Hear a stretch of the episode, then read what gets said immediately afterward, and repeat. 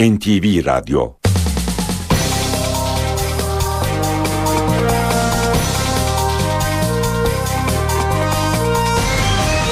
İşe giderken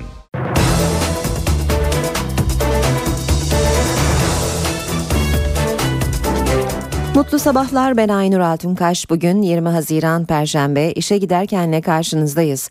Saat 9'a kadar Türkiye ve dünya gündemindeki gelişmeleri, gazete manşetlerini, piyasa verilerini, yol ve hava durumlarını aktaracağız. Önce gündemin öne çıkan başlıklarına bakalım.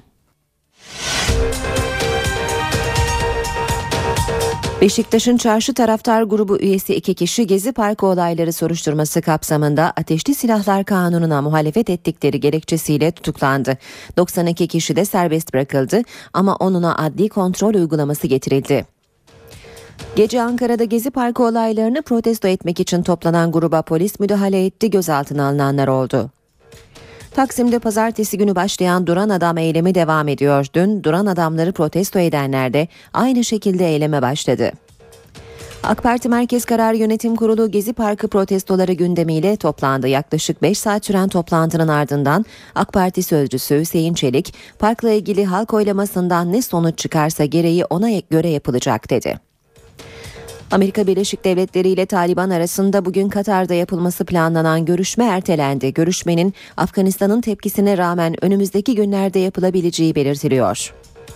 Kahramanmaraş'ta bir pamuk deposunda çıkan ve önceki gece kontrol altına alınan yangın dün akşam yeniden başladı. Onlarca itfaiye personelinin müdahale ettiği yangın nedeniyle Kahramanmaraş-Adana karayolu ulaşıma kapandı. Yönetmelik değişti. Sigorta şirketleri trafik sigortasına istedikleri oranda zam ya da indirim yapabilecek. Trafik sigortası fiyatları 6 ay yerine 1 ay için belirlenebilecek. Şirketler trafik sigortası fiyatlarını 1 Ekim'den itibaren internetten açıklayacak. Türkiye'de The Sopranos dizisiyle tanınan ünlü aktör James Gandolfini 51 yaşında hayatını kaybetti. Menajeri Gandolfini'nin kalp krizi nedeniyle öldüğünü açıkladı. Moda dünyasının gündeminde Dolce Gabbana markasının yaratıcısı tasarımcılara gelen hapis cezası var. İtalyan mahkemesi ünlü modacılara 1 yıl 8 ay hapis cezası verdi. Tasarımcılar vergi ödememek için Lüksemburg'da bir şirkete piyasa değerinin altında satış yapmakla suçlanıyor. İşe giderken İşe giderken gazetelerin gündemi.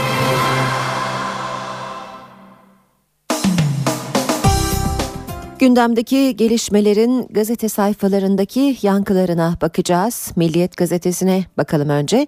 Amerikan elçisinden gezi ziyareti diyor Milliyet manşetinde.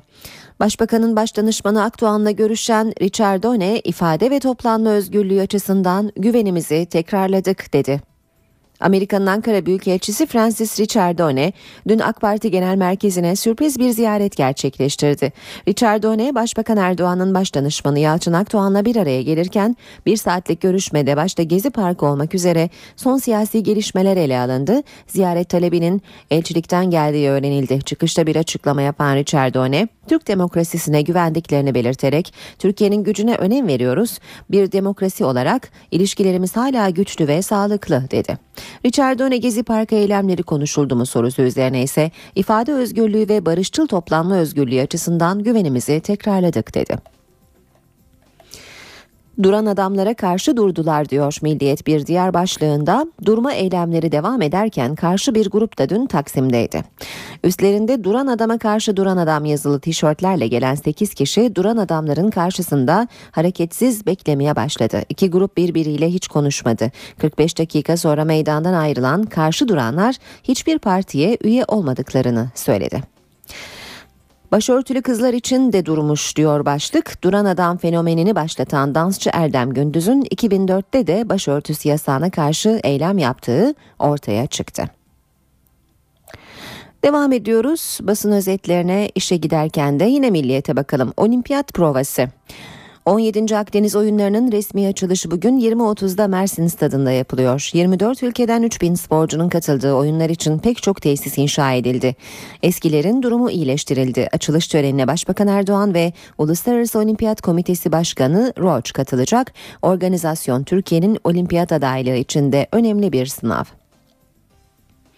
Geçiyoruz Hürriyet gazetesine. Yakma timi açığa alındı diyor Hürriyet'te manşet. Çadır yakma protestoları tetiklemişti. Taksim Gezi Parkı'ndaki çadırların yakılması olayı için ilk karar 4 zabıta memuruyla bir teknisyene idari soruşturma açıldı diyor Hürriyet gazetesi haberinde. Polise tayin ve izin yok. Gezi eylemleri nedeniyle İstanbul Emniyet Müdürlüğü'nde Şubat'ta belirlenen 2200 personelin il dışı tayinleri ve şark hizmeti bir yıl izinlerse geçici olarak durduruldu. Başka şehirde ev tutup eşyasını gönderen polisler tepki gösterdi diyor Hürriyet haberinde. Devam ediyoruz basın özetlerine işe giderken de Gerekirse Avrupa Birliği'ne bak oğlum git deriz diyor başlık hürriyette. Avrupa Birliği Bakanı ve Baş Müzakereci Egemen Bağış, Gezi Parkı olayları ve Türkiye'nin üyelik sürecindeki fasılların açılması ile ilgili bazı Avrupa Birliği ülkelerinin Türkiye karşıtı tavır ve söylemlerini eleştirdi. Türkiye'nin Avrupa Birliği'ne değil, Avrupa Birliği'nin Türkiye'ye ihtiyacı var. Gerekirse o ülkelere bak oğlum git demesini çok iyi biliriz dedi. Devam ediyoruz Vatan gazetesiyle. Vatanda Hodri Meydan bulun 27'yi diyor manşet. Türkiye'nin Avrupa Birliği'ne katılım müzakerelerinde yeni fasıl açılmasını Almanya, Hollanda ve Avusturya son anda veto etti. Avrupa Birliği Bakanı Bağış 3 ülkeye sert tepki gösterdi. Biraz daha ayrıntı verelim. Ee, bunlar Avrupa Birliği sürecinde bize havlu attıramaz. Süreç oy birliğiyle başladı. Bunu durduracak iki opsiyon var diyor. Egemen Bağış ya Türkiye resmen çekilecektir ya da yine oy birliğiyle Türkiye'nin Avrupa Birliği sürecini karşı taraf bitirecektir. Hodri Meydan bulun 27'yi ondan sonra gelin konuşalım. Devam edelim yine Vatan Gazetesi'nden aktarmaya. Karşı duranlar başlığını Vatan'da da görüyoruz. 8 kişilik grup parti üyesi değiliz kendi irademizle geldik. 20 gündür evimizde susuyorduk demokratik bir eylem yaptık dedi. Duran adamların karşısına geçip duran kişilerin yaptıkları eylemlerden sonra e, söylediklerini görüyoruz Vatan Gazetesi'nde. Çarşı karıştı. İki şüpheli silahtan tutuklandı. Gezi eylemlerinde gözaltına alınan Beşiktaş'ın taraftar grubu çarşının liderleri Bülent Ergenç ve Cem Yakışan'la 3 kişi için savcı suç örgütü üyesi olmaktan tutuklama istedi. Ancak mahkeme üçünü bıraktı.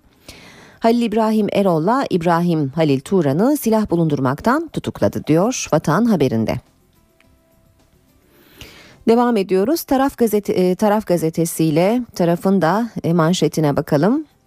Taraf Türkiye aradığını Kürdistan'da buldu demiş. Manşette Irak Kürdistan'ı ile Ankara arasında sessiz sedasız stratejik bir petrol anlaşması yapıldığını yazıyor Taraf gazetesi.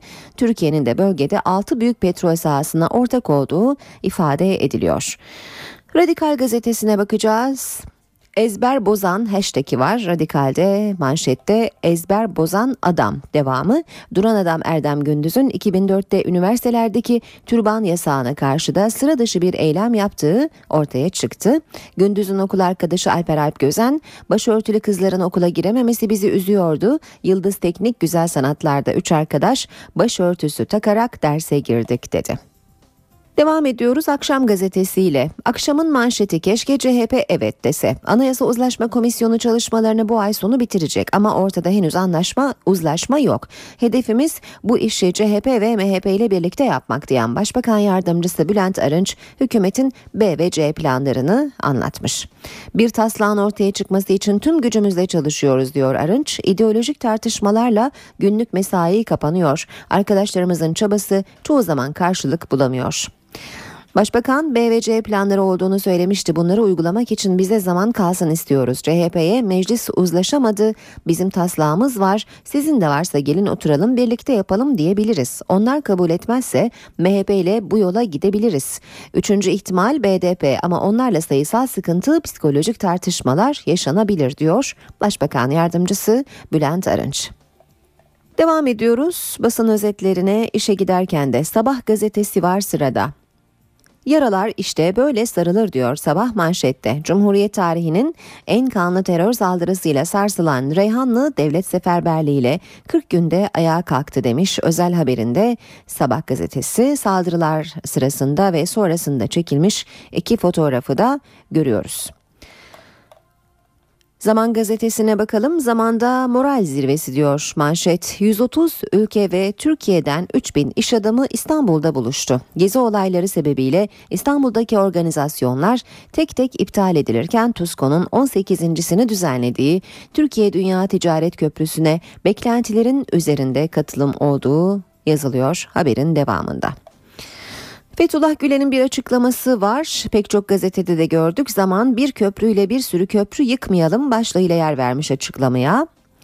İnternette yayınlanan açıklamasında Fethullah Gülen 3. Boğaz Köprüsü'nün ismi ve Alevi Sünni kardeşliği ile ilgili değerlendirmeler yapmış. İnşaatına başlanan 3. köprüye Yavuz Sultan Selim adını teklif edenlerin olumsuz bir mülahaza taşıdıklarına hiç ihtimal vermediğini söylemiş. Fethullah Gülen iki tarafa da şöyle seslenmiş. Bir köprüyle bir sürü köprüyü yıkmayalım. Yeni Şafak'la devam edeceğiz. Mesele başka hala anlamadın mı diyor Yeni Şafak manşette. Krizdeki Batı ülkeleri çareyi gelişen ekonomilere kaçan sermayeyi geri getirmekte buldu. Medya desteğiyle isyan provasının yapıldığı Türkiye, Endonezya ve Brezilya'da doları ve faizi yükselt, borsayı çökert formülü uygulamaya konuldu demiş Yeni Şafak gazetesi manşetten verdiği haberinde. Cumhuriyet gazetesine bakalım.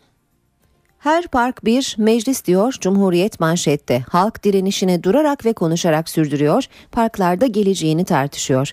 Polis şiddetine karşı başlayan duran adam protestolarına gezi meclisleri de eklendi. Taksim dayanışmasının direnişin devamı dediği eylem her akşam parklarda kurulan kürsülerde, forumlarda yapılan nasıl bir gelecek tartışmalarıyla sürüyor demiş. Cumhuriyet şöyle devam ediyor haber. Avukatlar gözaltı sırasında neler yapılması gerektiğini, doktorlar biber gazına karşı nasıl korunulması gerektiğini anlatıyor. Habertürk'le devam edelim. Habertürk'te kıyamet saldırısı son anda önlendi. Manşetini görüyoruz. Ulaştırma Bakanı'nın açıklamaları. Gezi eylemleri sırasında bize e, siber saldırı düzenlendi. Türkiye'nin tüm elektriği kesilecekti. Bunu atlattık. Bakan Binali Yıldırım'ın açıklamaları şöyle. Elektrik şebekesine, finans sistemine, altyapı ve güvenlik birimlerine siber saldırılar oldu. Bunlar vahim sonuçlar doğuracak, ülkeyi elektriksiz bırakacaktı. Mücadele yapıldı, atlatıldı. Gündemin ayrıntılarıyla işe giderken de birlikteyiz. Gezi Parkı olayları soruşturması kapsamında İstanbul'da Beşiktaş'ın çarşı taraftar grubu üyesi iki kişi tutuklandı. Gerekçe Ateşli Silahlar Kanunu'na muhalefet. 92 kişi de serbest bırakıldı ama onuna adli kontrol uygulaması getirildi.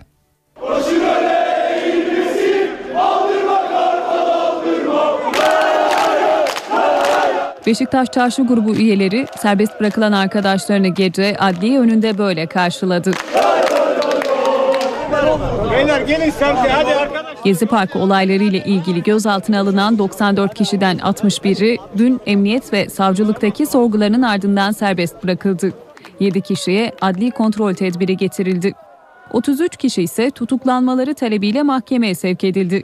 Savcı sorguda çarşı grubu üyelerinin Beşiktaş'ta bulunan Başbakanlık Çalışma Ofisi'ni basmaya çalıştığının tespit edildiğini belirtti. Çarşı üyelerine sorulan sorular arasında internet sitelerinde yer alan satılık toma ilanının kim tarafından ve ne amaçlı verildiği, eylemcilere gaz maskesi ve kask temininin sağlanıp sağlanmadığı da yer aldı. Şüphelilere eylemlere katılmak için para alıp almadıkları da soruldu. Şüpheliler haklarındaki suçlamaları reddetti.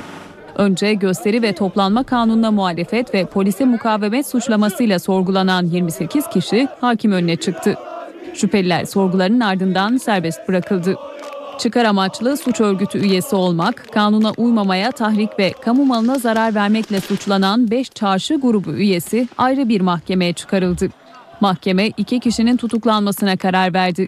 3 kişi ise 50 bin lira kefaletle ve adli kontrol uygulaması şartıyla serbest bırakıldı. Serbest kalan şüphelileri adli önünde yakınları karşıladı. Gece de Ankara'da Gezi Parkı olaylarını protesto etmek için toplanan gruba polis müdahalesi vardı. Göstericiler akşam saatlerinde Kennedy Caddesi üzerinde toplandı. Polis yolu trafiğe kapatan gruba dağılmaları yönünde uyarıda bulundu.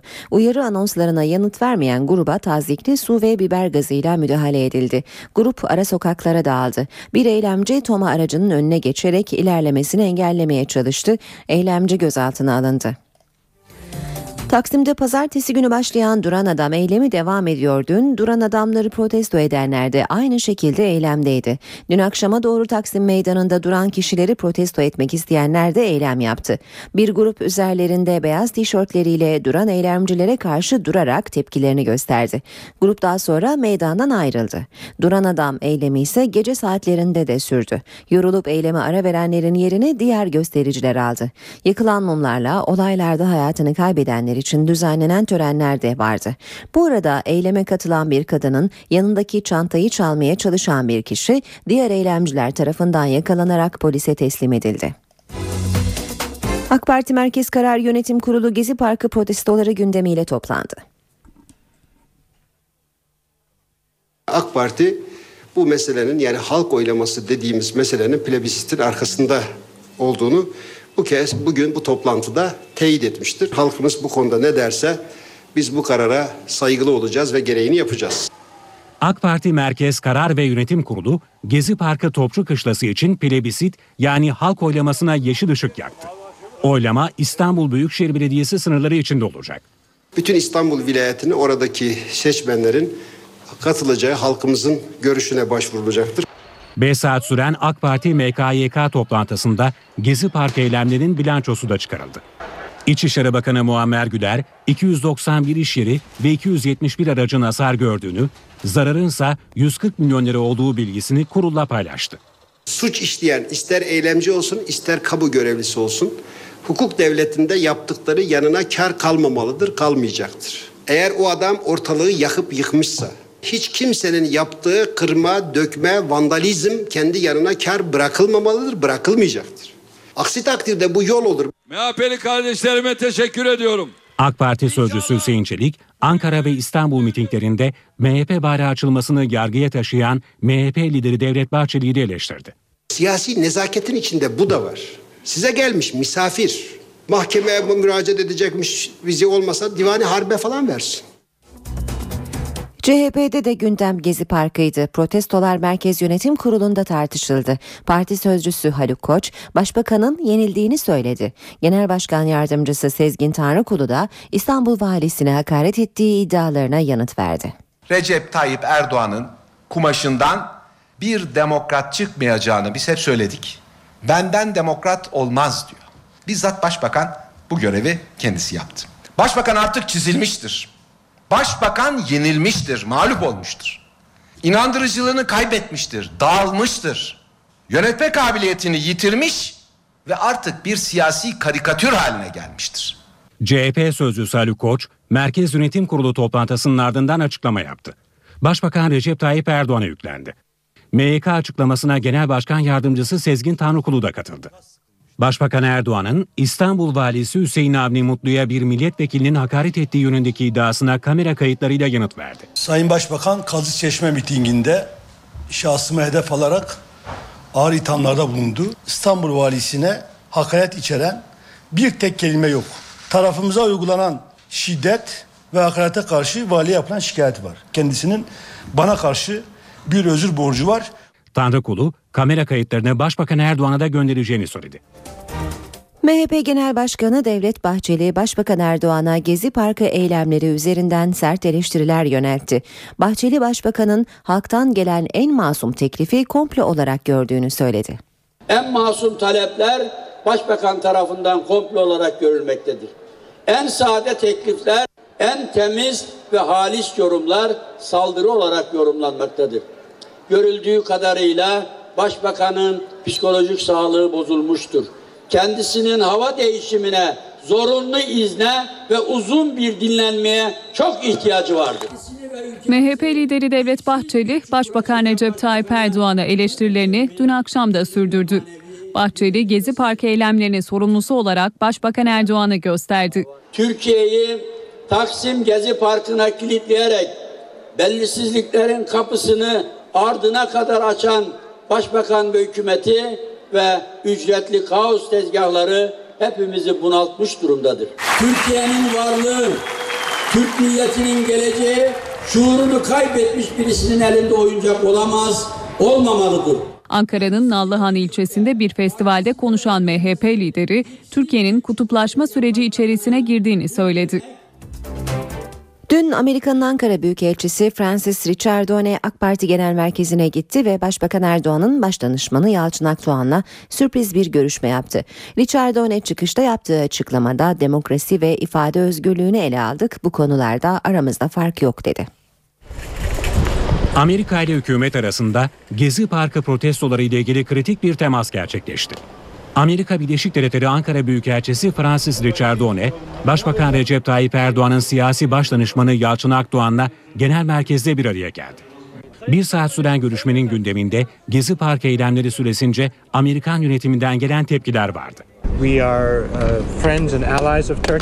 Bizler tansiyonun hem yüksek hem de düşük olduğu zamanlarda Türkiye'nin dostları ve müttefikleriyiz. Türk demokrasisini paylaştığımız ifade özgürlüğüyle ve barışçıl toplanma hakkı ile ilgili prensipleri desteklediğimizi tekrar dile getirdim. Bu konular hakkında bizim ve hükümetin arasında hiçbir fark bulunmamaktadır. Ayrıca Türkiye'deki demokrasiye de güvenimiz tam. Türk halkına ve hükümetine karşı olan inancımızı sürdürmekteyiz. Richard Done'nin sürpriz ziyareti MKYK toplantısı sonrası AK Parti sözcüsü Hüseyin Çelik'e soruldu. Türk demokrasisine güvendiğini söylüyor. O da bizim dost ve müttefik ülkeler olduğumuzu söylüyor. Bu konuda Sayın Büyükelçi ile bizim çeliştiğimiz, çatıştığımız herhangi bir şey yok. Hüseyin Çelik, Türkiye'yi Avrupa Birliği üyeliği üzerinden eleştiren Almanya Başbakanı Angela Merkel'e de tepki gösterdi. Masadan kalkan taraf olmayacağız, almazlarsa kendileri bilirler dedi. Beşiktaş'ın çarşı taraftar grubu üyesi iki kişi Gezi Parkı olayları soruşturması kapsamında Ateşli Silahlar Kanunu'na muhalefet ettikleri gerekçesiyle tutuklandı. 92 kişi de serbest bırakıldı ama onuna adli kontrol uygulaması getirildi.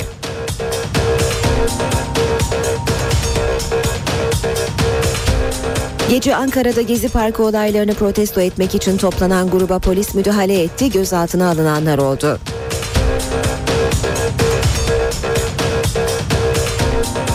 Taksim'de pazartesi günü başlayan Duran Adam eylemi devam ediyor. Dün Duran Adamları protesto edenler de aynı şekilde eyleme başladı.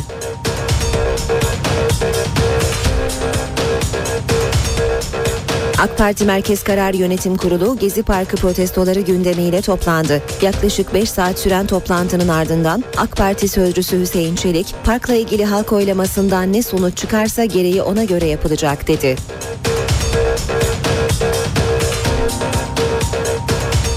Amerika Birleşik Devletleri ile Taliban arasında bugün Katar'da yapılması planlanan görüşme ertelendi. Görüşmenin Afganistan'ın tepkisine rağmen önümüzdeki günlerde yapılabileceği belirtiliyor.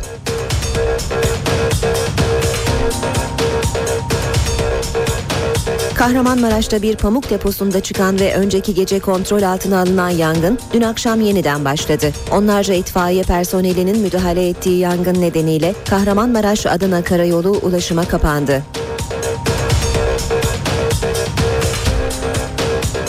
Yönetmelik değişti. Sigorta şirketleri trafik sigortasına istedikleri oranda zam ya da indirim yapabilecek. Trafik sigortası fiyatları 6 ay yerine 1 ay için belirlenebilecek. Şirketler trafik sigortası fiyatlarını 1 Ekim'den itibaren internetten açıklayacak.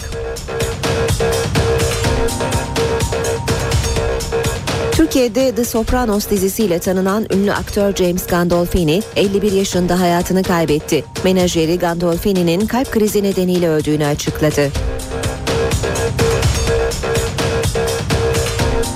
Moda dünyasının gündeminde Dolce Gabbana markasının yaratıcısı tasarımcılara gelen hapis cezası var. İtalyan mahkemesi ünlü modacılara bir yıl 8 ay hapis cezası verdi. Tasarımcılar vergi ödememek için Lüksemburg'da bir şirkete piyasa değerinin altında satış yapmakla suçlanıyor. İşe giderken gazetelerin gündemi.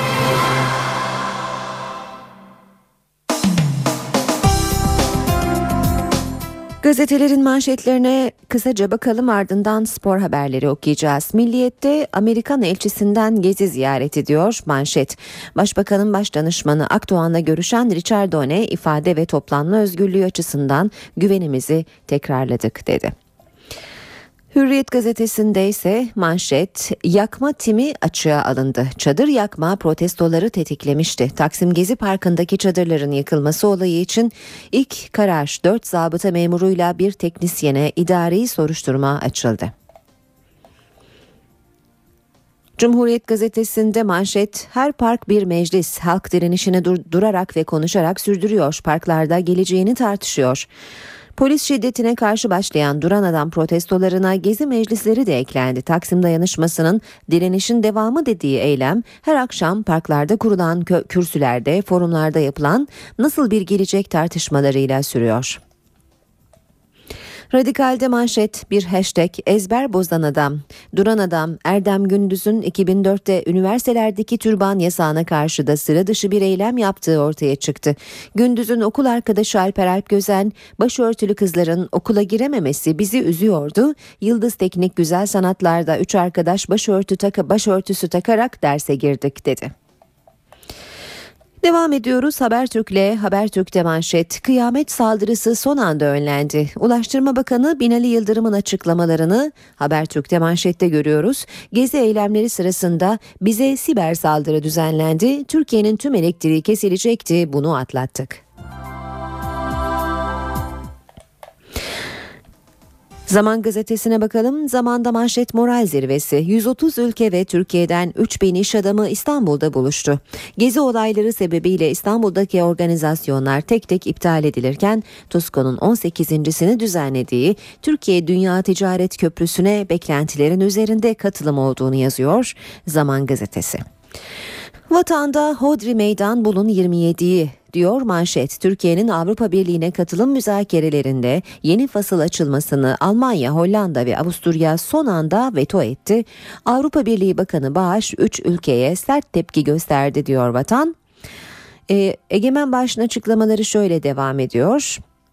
Ya Türkiye resmen çekilecektir ya da yine oy birliğiyle Türkiye'nin Avrupa Birliği sürecini karşı taraf bitirecektir. Hodri Meydan, bulun 27'yi ondan sonra gelin konuşalım. Bunlar Avrupa Birliği sürecinde bize havlu attıramaz. Yeni Şafak e, gazetesinin de manşetine bakalım. Mesele başka hala anlamadın mı diyor Yeni Şafak manşette. Krizdeki batı ülkeleri çareyi gelişen ekonomilere kaçan sermayeyi geri getirmekte buldu. Medya desteğiyle isyan provasının yapıldığı Türkiye, Endonezya ve Brezilya'da doları ve faizi yükselt, borsayı çökert formülü uygulamaya konuldu demiş Yeni Şafak haberinde. Akşamla manşet turumuza devam edelim. Keşke CHP evet dese bu sözler Başbakan Yardımcısı Bülent Arınç'a ait. Anayasa Uzlaşma Komisyonu çalışmalarını bu ay sonu bitirecek ama ortada henüz uzlaşma yok. Hedefimiz bu işi CHP ve MHP ile birlikte yapmak diyen Başbakan Yardımcısı Arınç, hükümetin B ve C planları olduğunu söylüyor Akşam gazetesinde. Gazetelerin manşetlerinden e, aktardık. Şimdi de spor sayfalarına göz atacağız. Spor gündeminin öne çıkan başlıklarına bakacağız. İlk gazete Hürriyet olacak. Hürriyet'ten okuyacağımız ilk başlık ceza alırsak sorumlusu Türkiye Futbol Federasyonu'dur. Demirören'in kulüpler bizi ilgilendirmez sözüne Fenerbahçe çok sert çıktı diyor Hürriyet. Üçüncü sınıf mafya tavrıyla yüzlerine karşı yapılan hakaretlerden korktular. UEFA'nın ülke içi lobi ve çıkar ilişkilerinin gölgesinde alacağı her türlü kararın sorumlusu Türkiye Futbol Federasyonu'dur. Yine e, Hürriyet gazetesinden aktaralım. Arkadaşın şekeri var. Orman kendisini Prosineçki'yi ayartmakla suçlayan Kayseri Başkanı Mamur'a cevap verdi. Beşiktaş Başkanı Fikret Orman kendisini hocaları Robert Prosineçki'yi ayartmakla suçlayan Kayseri Spor Başkanı Recep Mamur'un şeker hastalığı nedeniyle bu şekilde konuştuğunu söyledi. Yine Hürriyet'ten Aktarmaya devam ediyoruz. Carlinhos transferine 6 artı 0 artı 4 engeli. Brezilyalı sol bekin kendisi ve kulübüyle söz kesen Sarı Kırmızılıların transfer planı Türkiye Futbol Federasyonu'nun aldığı yabancı kararıyla alt üst oldu. Akdeniz'de vitrine çıkıyoruz. Üç kıtayı buluşturan mini olimpiyatların açılışını Başbakan Erdoğan ve IOC Başkanı Roj yapacak. Bakan Kılıç, oyunlar olimpiyat adaylığı vizyonumuzun çok önemli bir vitrini olacak dedi. Türkiye'nin ev sahipliğinde Mersin'de gerçekleştirilen 17. Akdeniz oyunlarının resmi açılış töreni bu akşam saat 20.30'da yapılacak. Devam edelim. Hürriyet gazetesinden yine aktaracağız. Yabancıya sınır kime yarıyor? Türkiye Futbol Federasyonu'nun yabancı futbolcular için aldığı 604 uygulaması tartışma yarattı. Türkiye Futbol Federasyonu'nun yabancı futbolcu sayısına getirdiği sınırlama dört büyüklerden en çok Galatasaray'la Trabzonspor'un hesaplarını alt üst edecek diyor. Hürriyet gazetesi haberinde. 25 yaşında emeklilik. 3. ligdeki futbolcular en verimli çağında vedaya zorlanıyor. Karar sonrası çok sayıda isim çileden çıktı. Spor Toto 3. lig oyuncularının tepkisini çeken yaş sınırlaması yeni sezon statüsündeki yerini aldı. Birçok futbolcu sosyal medyayı ayağa kaldırdı. NBA'in kralı son maça kaldı. Müthiş kapışma saat 4'te NBA'de final serisinin 6. maçında San Antonio'yu uzatmada 103-100 yenen Miami Heat durumu 3-3'e getirdi. Şampiyon yarın sabaha karşı Miami'de belirlenecek diyor Hürriyet haberinde. Spor haberleri aktarıyoruz. Devam edelim Milliyet gazetesiyle. Milliyetten okuyacağımız e, başlıklardan ilki teknik arıza. Prosineçki işini hallederiz diye düşünen Beşiktaş şimdi yarı yolda kaldı. Kayseri Spor Teknik Direktörü ile sözleşme yenileyince siyah beyazların planı bozuldu. Hoca işinde başa dönüldü. Prensip anlaşmasına rağmen Şaf'ı son tercih olarak gören Başkan Orman Avrupa'da yeni isimlerle görüşecek. Sağlam ve öz dileği de düşünen Beşiktaş yerli olacaktı. Ay baba neden ayrıldı sorusuyla karşılaşmak istemiyor. Futbolu federasyon yönetir. Türkiye Futbol Federasyonu dün yaptığı yazılı açıklamada kaos ortamına izin verilmeyeceğini belirterek Türkiye ve Türk futbolunda bunu yaparsan kalırsın, bunu yapmazsan gidersin dönemi sona ermiştir ifadelerini kullandı. Yine milliyetten okuyacağız taktik hatası. Türkiye Futbol Federasyonu'nun yabancı kontenjanını 6-0-4 olarak açıklaması Galatasaray'ın hesaplarını alt üst etti. Gönderilmeleri düşünülen Elmander, Amrabat ve Dani gitmemek için direniyor. Yıllık 3 milyon euro kazanan Riera'ya ise şimdiye kadar bu paranın yarısını bile teklif eden kulüp çıkmadı. Nöbet sona erdi. Fenerbahçe nöbetçi golcü lakabıyla sarı lacivertli taraftarların gönlünde taht kuran Semih Şentürk'le yollarını ayıracağını resmen duyurdu. 11 yıldır görev yapan birçok yıldızla forma şansı forma savaşı yaşayan Semih kulübeden gol krallığına kadar ulaşmıştı. Milliyetten spor haberleri aktarmaya devam ediyoruz. Şölen başlıyor. Mersin'de düzenlenen 17. Akdeniz oyunlarının resmi açılışı bugünkü törenle Başbakan Erdoğan ve IOC Başkanı Jacques Roche tarafından yapılacak. 2020 olimpiyat adaylığı için önemli bir sınav olacak organizasyonda 430 sporcumuz madalya arayacak diyor Milliyet haberinde. Bir başlık daha okuyalım yine Milliyet'ten. Hiçbir endişemiz yok. FIFA 20 yaş altı Dünya Kupası Organizasyon Komitesi Başkanı Jim Boyce güvenlik endişelerinin bulunmadığını söyledi. Son 24 saattir İstanbul'dayım ve hiçbir sorun görmedim. Güvenlik önlemleri standartlara uygun dedi. Allen mucizesi başlığıyla devam ediyoruz. NBA final serisinde San Antonio kazanması halinde şampiyon olacağı mücadelenin son 20 saniyesine 3 sayı önde girdi. Ancak bitime 5 saniye kala Ray Allen Miami'ye hayat verdi. Ev sahibi durumu 3-3'e getirdi deniyor haberin ayrıntılarında. Gazetelerin önce manşetlerine baktık sonra da spor sayfalarından başlıklar aktardık. Türkiye ve dünya gündemine yakından bakmaya devam edelim. İşe giderken.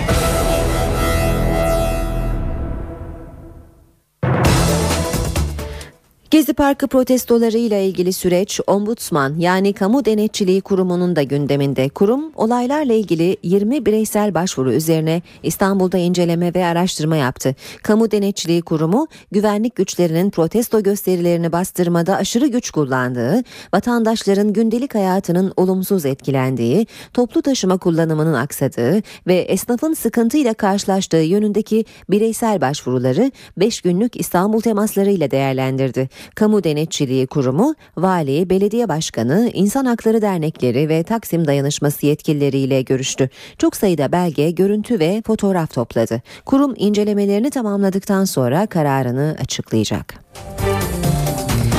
Gezi Parkı protestoları Taksim çevresindeki otellerde rezervasyon iptaline neden oldu. Turist sayısı azaldı ancak sektör temsilcileri hala umutlu durumun düzeltilebileceğini söylüyor. Taksim civarında tabii ki bir 50 milyon dolar 100 milyon dolar bir kaybımız var şu anda. Gezi Park olaylarının turizme faturası ağır. Özellikle şiddetlendi ilk birkaç gün içerisinde e, bu bölgede faaliyet gösteren otellerimizdeki rezervasyonlar iptali ya da başka otellere, bölgelere kayması şeklinde bir sonuç ortaya çıktı. Taksim, Beyoğlu ve Talimhane'deki otellerde olaylar öncesinde %80 seviyesindeki doluluk oranı %20'lere kadar geriledi. 20 bin 25 bin geceleme kaybımız var ilk başta. Özellikle Avrupalı turistler İstanbul'a gelme konusunda temkinli. İtalyanlarda, İspanyollarda biraz düşüş var, Fransa'da düşüş var. E, sahil bantımızda bir sıkıntımız yok. Tüm bu iptallere rağmen İstanbul'da ısrarcı olan turistler de var. Dünyanın ilgisinin odaklandığı Gezi Parkı olaylarının ortasında olmayı ilginç buldum. Esnaf da dertli. İş yok yani şu anda bile yok. Yine cumartesi kapalıydık, pazar günü kapalıydık. İlk zamanlar 2-3 gün yine kapalıydık. Zarar çok. Yani 20 gün nereden baksanız 8-9 bin lira zararımız var. Şu an turist kalmadık zaten. Yetkililer sektörün bu krizi atlatacağı görüşünde. Bu hadisenin tatlıkla huzurlu bitmesi lazım. Dünyaya açılan pencere Türkiye'nin turizm penceresidir. Eski vizyonumuza kavuşmamız lazım. Biz bu bu bu algıyı kolay yaratmadık. İşe giderken Teröre çözüm arayışı süreci de siyasetin önemli gündem maddelerinden BDP'den sürece yönelik yeni açıklamalar geldi. Birinci aşama çekilmeydi. İkinci aşamada ise hükümet gerekli yasal düzenlemeleri yapmalı diyen BDP'nin bu hafta Adalet Bakanı Sadullah Ergin'le görüşmesi bekleniyor. PKK'nın iki numaralı ismi Murat Karayılan da çözüm sürecinde devletin katkı yapacak adımları atmadığını öne sürdü. Örgüte yakın internet sitelerine açıklama yapan Karayılan, çözüm sürecinde örgütün geri çekilerek üzerine düşeni yaptığını söyledi. Devletin gerekli adımları atmadığını savunan Karayılan, devlet askeri faaliyetleri azaltmak yerine daha geniş savaş hazırlıklarına girdi, süreci sabote etmek için elinden ne geliyorsa yapıyor dedi. Murat Karayılan, KCK tutuklularının da bir an önce serbest serbest bırakılması gerektiğini belirtti. NTV Radyo. Günaydın herkese. Yeniden ben Aynur Altunkaş. NTV Radyo'da birlikteyiz. Birazdan Gökhan Abur'la son hava tahminlerine bakacağız. Gündemin başlıklarını kısaca hatırlayalım önce Beşiktaş'ın çarşı taraftar grubu üyesi iki kişi Gezi Parkı olayları soruşturması kapsamında Ateşli Silahlar Kanunu'na muhalefet ettikleri gerekçesiyle tutuklandı. 92 kişi de serbest bırakıldı ama onuna adli kontrol uygulaması getirildi.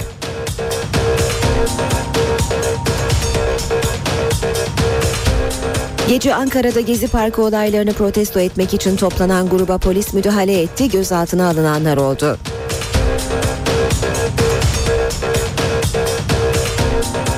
Taksim'de pazartesi günü başlayan Duran Adam eylemi devam ediyor. Dün Duran Adamları protesto edenler de aynı şekilde eyleme başladı.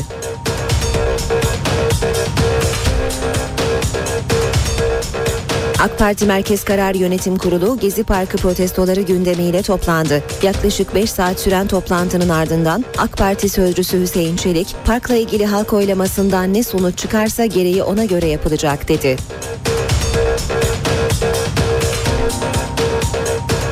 BDP çözüm sürecinin ikinci aşaması olarak nitelendirdiği yasal düzenlemeler konusunda hükümetten acil adım atmasını istedi. PKK'nın iki numaralı ismi Murat Karayılan da süreçte devletin katkı yapacak adımları atmadığını öne sürdü.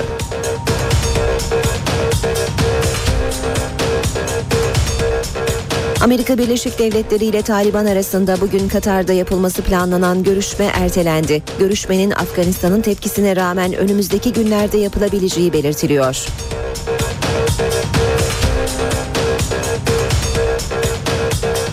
Kahramanmaraş'ta bir pamuk deposunda çıkan ve önceki gece kontrol altına alınan yangın dün akşam yeniden başladı. Onlarca itfaiye personelinin müdahale ettiği yangın nedeniyle Kahramanmaraş-Adana karayolu ulaşıma kapandı. Yönetmelik değişti. Sigorta şirketleri trafik sigortasına istedikleri oranda zam ya da indirim yapabilecek. Trafik sigortası fiyatları 6 ay yerine 1 ay için belirlenebilecek. Şirketler trafik sigortası fiyatlarını 1 Ekim'den itibaren internetten açıklayacak.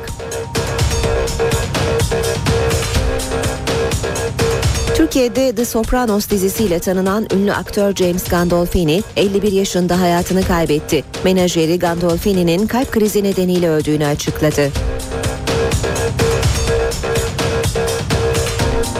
Moda dünyasının gündeminde Dolce Gabbana markasının yaratıcısı tasarımcılara gelen hapis cezası var. İtalyan mahkemesi ünlü modacılara 1 yıl 8 ay hapis cezası verdi. Tasarımcılar vergi ödememek için Lüksemburg'da bir şirkete piyasa değerinin altında satış yapmakla suçlanıyor. Yeni bir gelişme de var. Bunu da aktaralım. İzmir'de Gündoğdu Meydanı'nda çadır kuran gruba polis sabahın ilk saatlerinde müdahalede bulundu. Polise direnen göstericiler gözaltına alındı. Mersin polisi de kentte bugün yapılacak Akdeniz Olimpiyatları açılışı töreni öncesi Gezi Parkı protestocularına müdahale etti. Barış Meydanı'nda kurulan çadırları kaldıran polis bir kişiyi gözaltına aldı. Sıcaklıklar yüksek seyretmeye devam ediyor. Bakalım yurtta bugün hava nasıl olacak? Gökhan Abur günaydın. Evet batı ve iç kesimlerde ve güneyde özellikle hızlı bir yükseliş var. Doğudaki yağışlar kısa sürelerle devam etmesini sürdürecek bugün içinde ve biraz daha doğuya kaydı. Bugün Trabzon Rize Artvin arasında yağış bekliyoruz ki şu an itibariyle Rize Artvin arasında kısa süreli yağmur var. Öğle saatlerinde Ağrı Van Hakkari arasında daha kuvvetli olmak üzere gök gürültülü sağanak yağmur geçişleri görülecek. Akdeniz boyunca yüksek sıcaklıklar etkisini sürdürürken nem oranı oldukça düşük. Nemin düşük olması ve havanın kuru olmasından dolayı orman yangını riski bir hayli yüksek. Dün Aydın'da olduğu gibi bugünlerde bu risk devam ediyor. Özellikle rüzgarların kuzeyli esmesi Akdeniz ve Güney Ege'de e, havayı daha da fazla kurutabiliyor. Bugün için Batı Karadeniz, Marmara ve Kuzey Ege'de Poyraz, Güney Ege'de ise karayel yönlü rüzgarlar kuvvetleşecek ki öğle saatlerinde İstanbul'da rüzgarın daha da kuvvetlenmesini bekliyoruz. Şu an itibariyle 13-14 kilometre hızla esen zaman zaman hızını 16-17'ye çıkaran Poyraz yönlü rüzgar var. Nem oranı %70'lerde. Sıcaklık şu an için İstanbul'da 23 derece. İstanbul'da bugün beklediğimiz hava sıcaklığı 31 derece olacak. Ankara'da nem oranı orada da yüksek. %60'lar civarında. Şu an itibariyle sıcaklık 15 derece. Kuzeyli rüzgar 11 kilometre hızla esiyor. Öyle saatlerinde rüzgar Poyraz'dan biraz daha kuvvetlenecek. Bugün için Ankara'da beklediğimiz sıcaklık ise yine bir hayli yüksek ve Ankara'nın sıcaklığı bugün hemen hemen 30 dereceler civarında olacak. İzmir'de ise öğle saatlerinde özellikle Çeşme'de yine kuvvetli bir Poyraz var. Poyraz'ın öğle saatlerinde 35 kilometre civarında esmesini bekliyoruz. Ama İzmir'de Poyraz'a rağmen sıcaklık bugün 36 dereceye kadar çıkacak bir hayli yüksek. Akdeniz boyunca yüksek sıcaklıklar etkisini sürdürüyor demiştim. Antalya'da dün olduğu gibi bugün beklediğimiz sıcaklık, gölgedeki sıcaklık yine 38 derece civarında olacak. Hafta sonuna yaklaşıyoruz. Hafta sonu yağışlar doğuda da giderek etkisini kaybedecek. Çok lokal olarak yerel kısa süreli yağış geçişleri doğunun doğusunda görülebilir. Ama sıcaklıklar batı, güney ve yurdun büyük bir çoğunluğunda yükselmeye devam edecek. Çok kısa olarak şunu da sorayım. Ee, yazın e, kendisini iyice hissettirmesiyle orman yangınları da e, başladı. Hangi evet. bölgelerde yangın riski var? Valla şu anda biraz evvel vurgulamaya çalıştım. Akdeniz çok kuru, Güney Ege çok kuru. Yani e, Bodrum'dan başlayarak Bodrum, Marmaris ve özellikle Akdeniz'in tümünde Mersin'e kadar olan böyle tüm, tüm Mersin'e de kısa süreli bir yağış vardı. Hı hı. Bütün bu bölgelerde rüzgarın kuzeyli esmesi ve nemin çok düşük olması, havanın kuru olması bu riski arttırıyor. Yani çok dikkatli olması lazım bölge sakinlerinin. Ee, evet. risk devam edecek. Hava, hava çok sıcak ve nem çok düşük. Nem düşük olduğu zaman orman yangını riski artıyor. Bunu da e, unutmayalım. Çok teşekkürler ben Gökhan teşekkür Abuş. İşe giderken gazetelerin gündemi.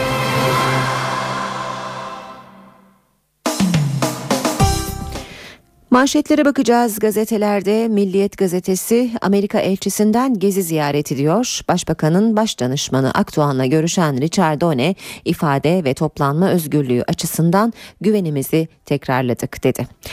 Duran adamlara karşı durdular. Duruma eylemleri devam ederken karşı bir grupta dün Taksim'deydi. Üstlerinde duran adama karşı duran adam yazılı tişörtlerle gelen 8 kişi duran adamların karşısında hareketsiz beklemeye başladı. İki grup birbiriyle hiç konuşmadı. 45 dakika sonra meydandan ayrılan karşı duranlar hiçbir partiye üye olmadıklarını söyledi. Devam edelim Hürriyet gazetesiyle. Hürriyette manşet yakma timi açığa alındı. Çadır yakma protestoları tetiklemişti. Taksim Gezi Parkı'ndaki çadırların yakılması olayı için ilk karar 4 zabıta memuruyla bir teknisyene idari soruşturma açıldı.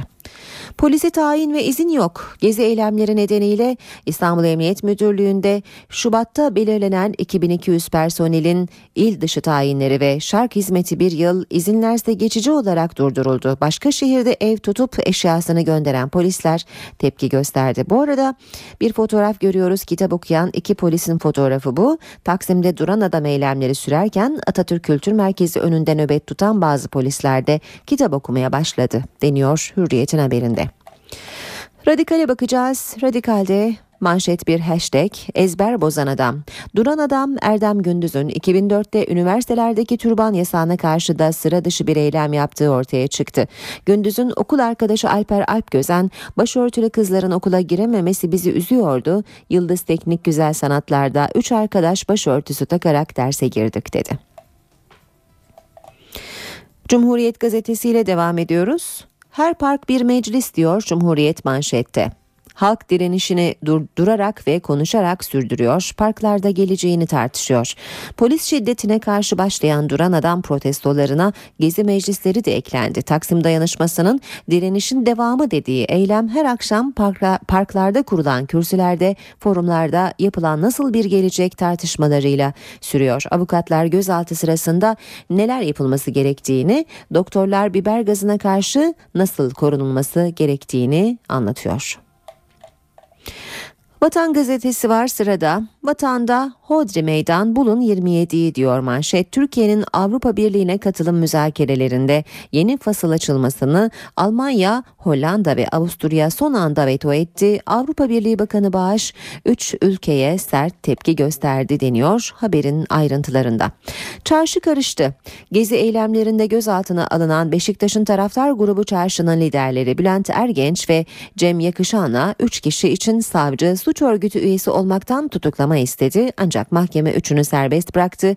Halil İbrahim Erol'la İbrahim Halil Turan'ı silah bulundurmaktan tutukladı.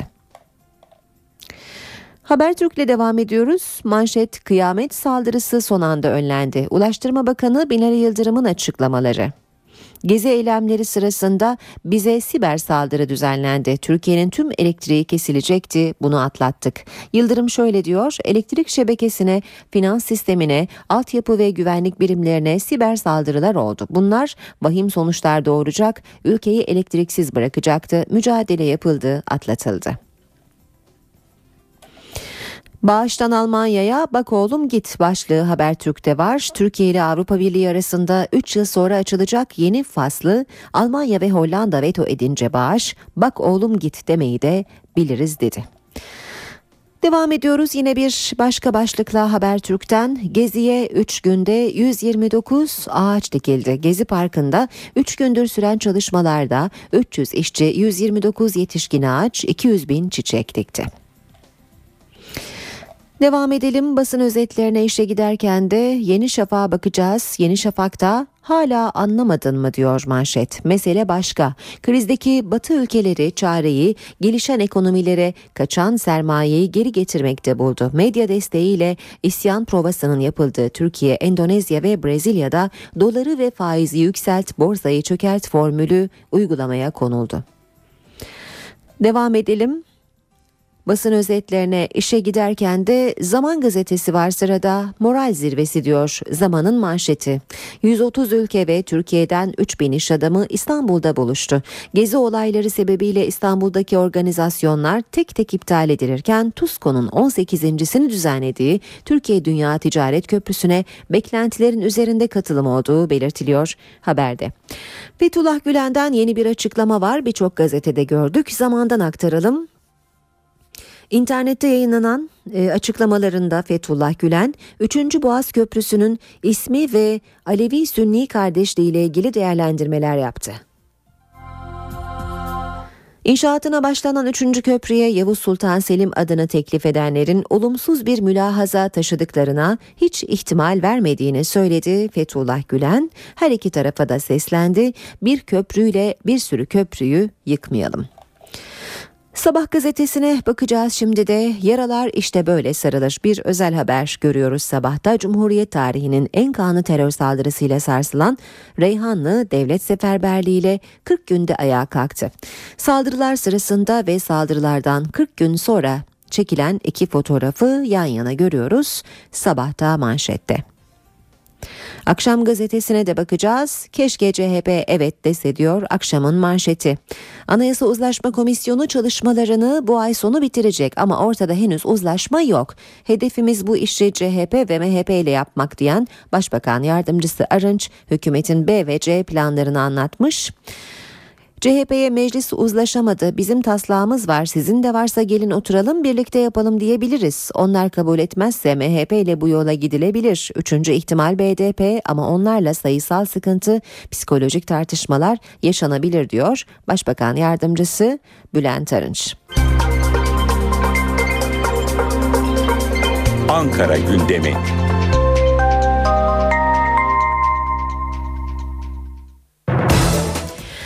Başkentten Murat Barış Koralp bu sabah karşımızda. Murat günaydın. Günaydın kolay gelsin. E, dün de Ankara'da gezi eylemleri vardı. Gözaltına alınanlar oldu Murat. Önce bununla başlayalım istersen. Evet dün yine Ankara'da eylemlerin adresi Kennedy Caddesi ve Tunalı Hilmi Caddesi'ydi. Gece geç saatlerde toplanan gruba polis müdahale etti. Gözaltına alınanlar var. Sayısının kaç olduğunu tam olarak bilmemekle birlikte gözaltına alınanlar olduğunu söyleyebiliriz. Gezi tüm Türkiye'de olduğu gibi Ankara'da da gündemin birinci maddesi olmaya devam ediyor. Dün de AK Parti Merkez Karar Yönetim Kurulu toplantısında gündemdeydi. Topçu Kışlası için plebisit yani halk oylamasında yeşil ışık yakıldı bu toplantıda. Oylamanın da İstanbul Büyükşehir Belediye sınırları içinde olacağı e, ifade edildi. Parti sözcüsü Hüseyin Çelik tarafından. 5 saat süren AK Parti MKYK toplantısında Gezi Parkı eylemlerinin bilançosu da çıkarıldı. Buna göre İçişleri Bakanı Muammer Güler'in verdiği bilgiye göre eylemler sırasında 291 iş yeri ve 271 aracın hasar gördüğü belirtildi. Zararın ise yaklaşık 140 milyon lira civarında olduğu bilgisini kurulla paylaştı İçişleri Bakanı Muammer Güler.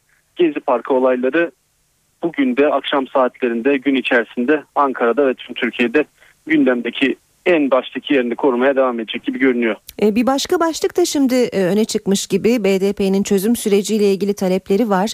Bu konudan da biraz bahsedelim istersen. Ne tür talepleri oldu? 100 maddenin değişmesini istiyor. Çeşitli e, yasalardaki 100 maddenin değişmesini istiyor BDP. Bunu ikinci aşama olarak değerlendiriyor. Bütün sürecin ikinci aşaması. Birinci aşama bilindiği gibi teröristlerin geri çekilmesiydi. Bunun tamamlandığını ifade ediyor BDP'liler. ikinci aşamaya geçilmesi gerektiğini söylüyorlar. Yasal düzenlemeler gerektiğini ifade ediyorlar. 100 madde ifade ediliyor ancak 25'inin öncelikli olarak meclis kapanmadan veya meclis erken açılarak tamamlanması çıkarılması gerektiğini düşünüyorlar. Bu konuyla ilgili de Adalet Bakanı Sadullah Ergin'in kapısını çalmaya hazırlanıyor BDP heyeti. Hangi yasalar var? Ceza, terörle mücadele, toplantı ve gösteri yürüyüşleri yasasında değişiklik istiyor BDP. Ayrıca seçim barajının düşürülmesini ve özel etkili mahkemelerle koruculuk sisteminin de kaldırılmasını istiyorlar. Bir talepleri daha var. Çözüm komisyonunun mecliste oluşturulan çözüm komisyonunda İmralı'ya gitmesini ve Abdullah Öcalan'la görüşmesini istiyorlar. Önümüzdeki günlerin sıcak başlıklarından birinin de bu olacağını şimdiden söyleyebiliriz. Peki hem konuştuğumuz bu iki konu hem de takip edeceğiniz diğer e, gündem başlıkları için neler söyleyeceksin Murat?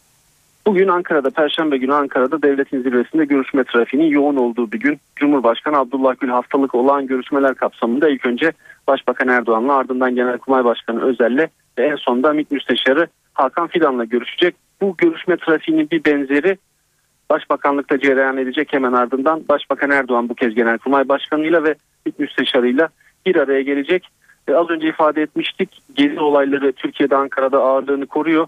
Bu görüşmelerde de yüksek ihtimal gezi olaylarının değerlendirileceğini söyleyebiliriz. Başbakan Erdoğan bugün ayrıca Yargıtay Başkanı Ali Kalkan'la ve Yargıtay Cumhuriyet Başsavcısı Hasan Erbil ile ayrı ayrı görüşecek.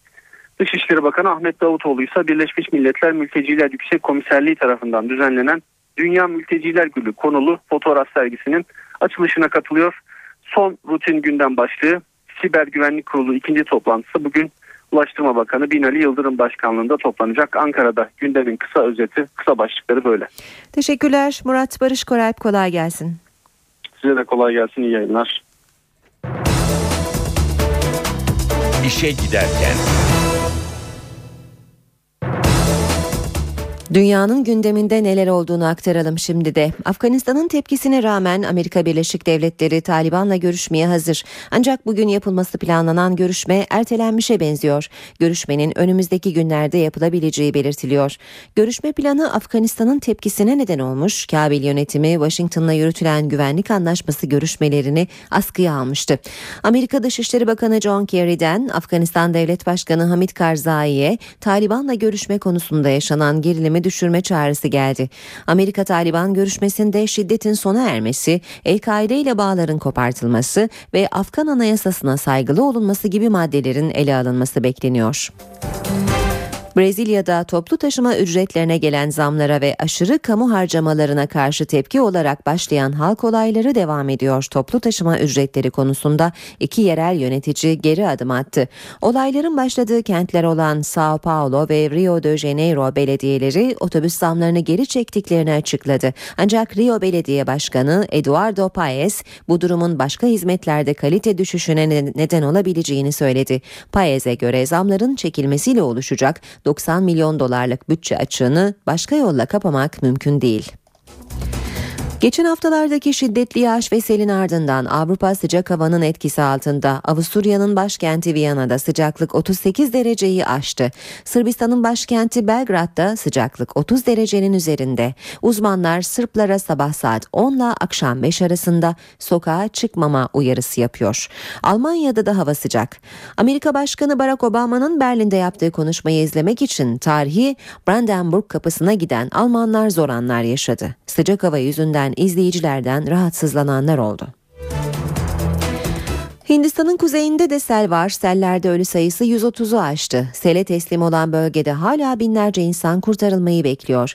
Selden en çok etkilenen kentlerde askeri helikopterler kurtarma operasyonlarında devreye girdi. Selin ağır kayıplara yol açtığı kentlerde onlarca kişi hala kayıp.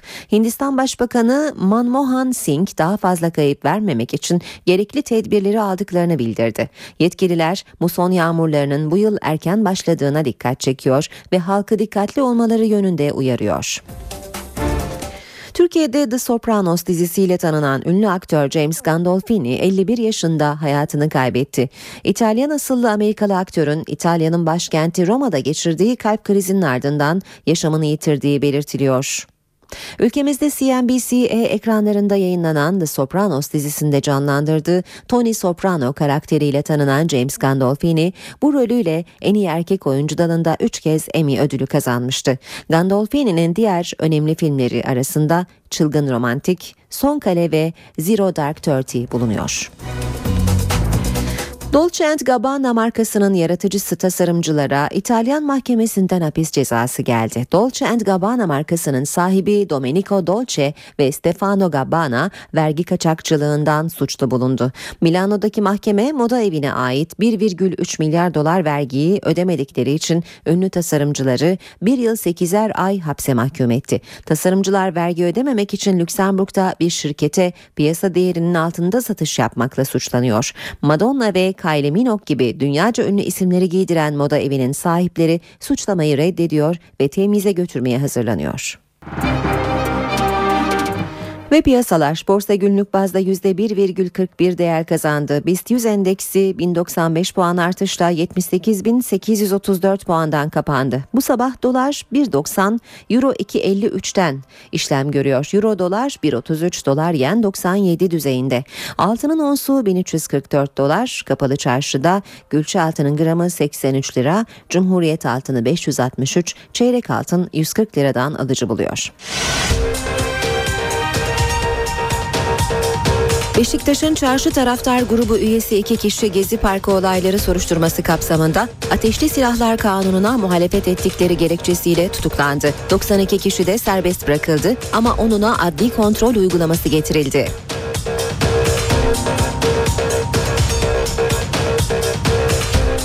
Gece Ankara'da Gezi Parkı olaylarını protesto etmek için toplanan gruba polis müdahale etti, gözaltına alınanlar oldu.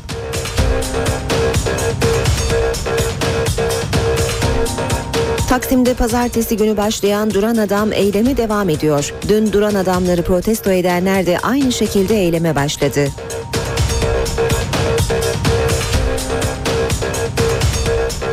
AK Parti Merkez Karar Yönetim Kurulu Gezi Parkı protestoları gündemiyle toplandı. Yaklaşık 5 saat süren toplantının ardından AK Parti sözcüsü Hüseyin Çelik, parkla ilgili halk oylamasından ne sonuç çıkarsa gereği ona göre yapılacak dedi.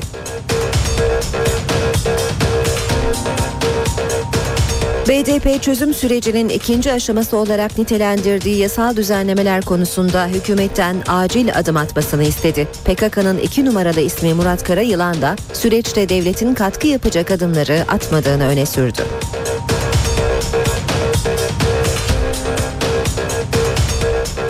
Amerika Birleşik Devletleri ile Taliban arasında bugün Katar'da yapılması planlanan görüşme ertelendi. Görüşmenin Afganistan'ın tepkisine rağmen önümüzdeki günlerde yapılabileceği belirtiliyor.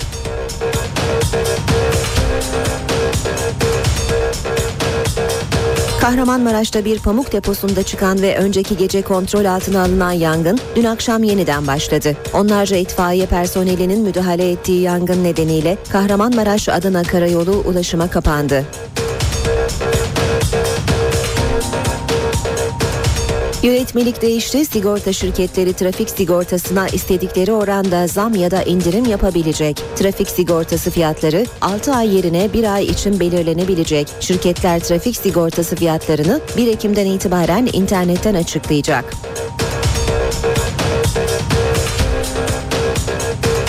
Türkiye'de The Sopranos dizisiyle tanınan ünlü aktör James Gandolfini 51 yaşında hayatını kaybetti. Menajeri Gandolfini'nin kalp krizi nedeniyle öldüğünü açıkladı. Moda dünyasının gündeminde Dolce Gabbana markasının yaratıcısı tasarımcılara gelen hapis cezası var. İtalyan mahkemesi ünlü modacılara 1 yıl 8 ay hapis cezası verdi. Tasarımcılar vergi ödememek için Lüksemburg'da bir şirkete piyasa değerinin altında satış yapmakla suçlanıyor. Az önce duyurduğumuz sıcak gelişmeyi de bir kez daha paylaşalım. İzmir'de Gündoğdu Meydanı'nda çadır kuran gruba polis sabahın ilk saatlerinde müdahalede bulundu. Polise direnen göstericiler gözaltına alındı. Mersin polisi de kentte bugün yapılacak Akdeniz Olimpiyatları açılış töreni öncesi Gezi Parkı protestocularına müdahale etti. Barış Meydanı'nda kurulan çadırları kaldıran polis bir kişiyi gözaltına aldı. Saat 8.41 işe giderken de birlikteyiz. Gezi başlığından bir haberle devam edelim. Ardından gündemdeki diğer gelişmelere bakacağız. İstanbul'da 4 zabıta memuru ve bir teknisyen yardımcısı Gezi Parkı olayları sırasında eylemcilerin çadırlarını yaktıkları gerekçesiyle açığa alındı. Mülkiye ve polis baş müfettişlerinin Gezi Parkı olaylarında orantısız güç kullanımına ilişkin soruşturması sürüyor. 29 Mayıs'ta meydana gelen eylemci çadırlarının yakılması olayıyla ilgili ifadesi alınan polisler zabıtaları suçladı. Görüntü ve fotoğrafları inceleyen müfettişler çadırları yakanların İstanbul Büyükşehir Belediyesi'nde görevli 4 zabıta memuru ve bir teknisyen yardımcısı olduğunu belirledi. İstanbul Büyükşehir Belediyesi rapor doğrultusunda 5 kişiyi görevden alarak idari soruşturma açtı.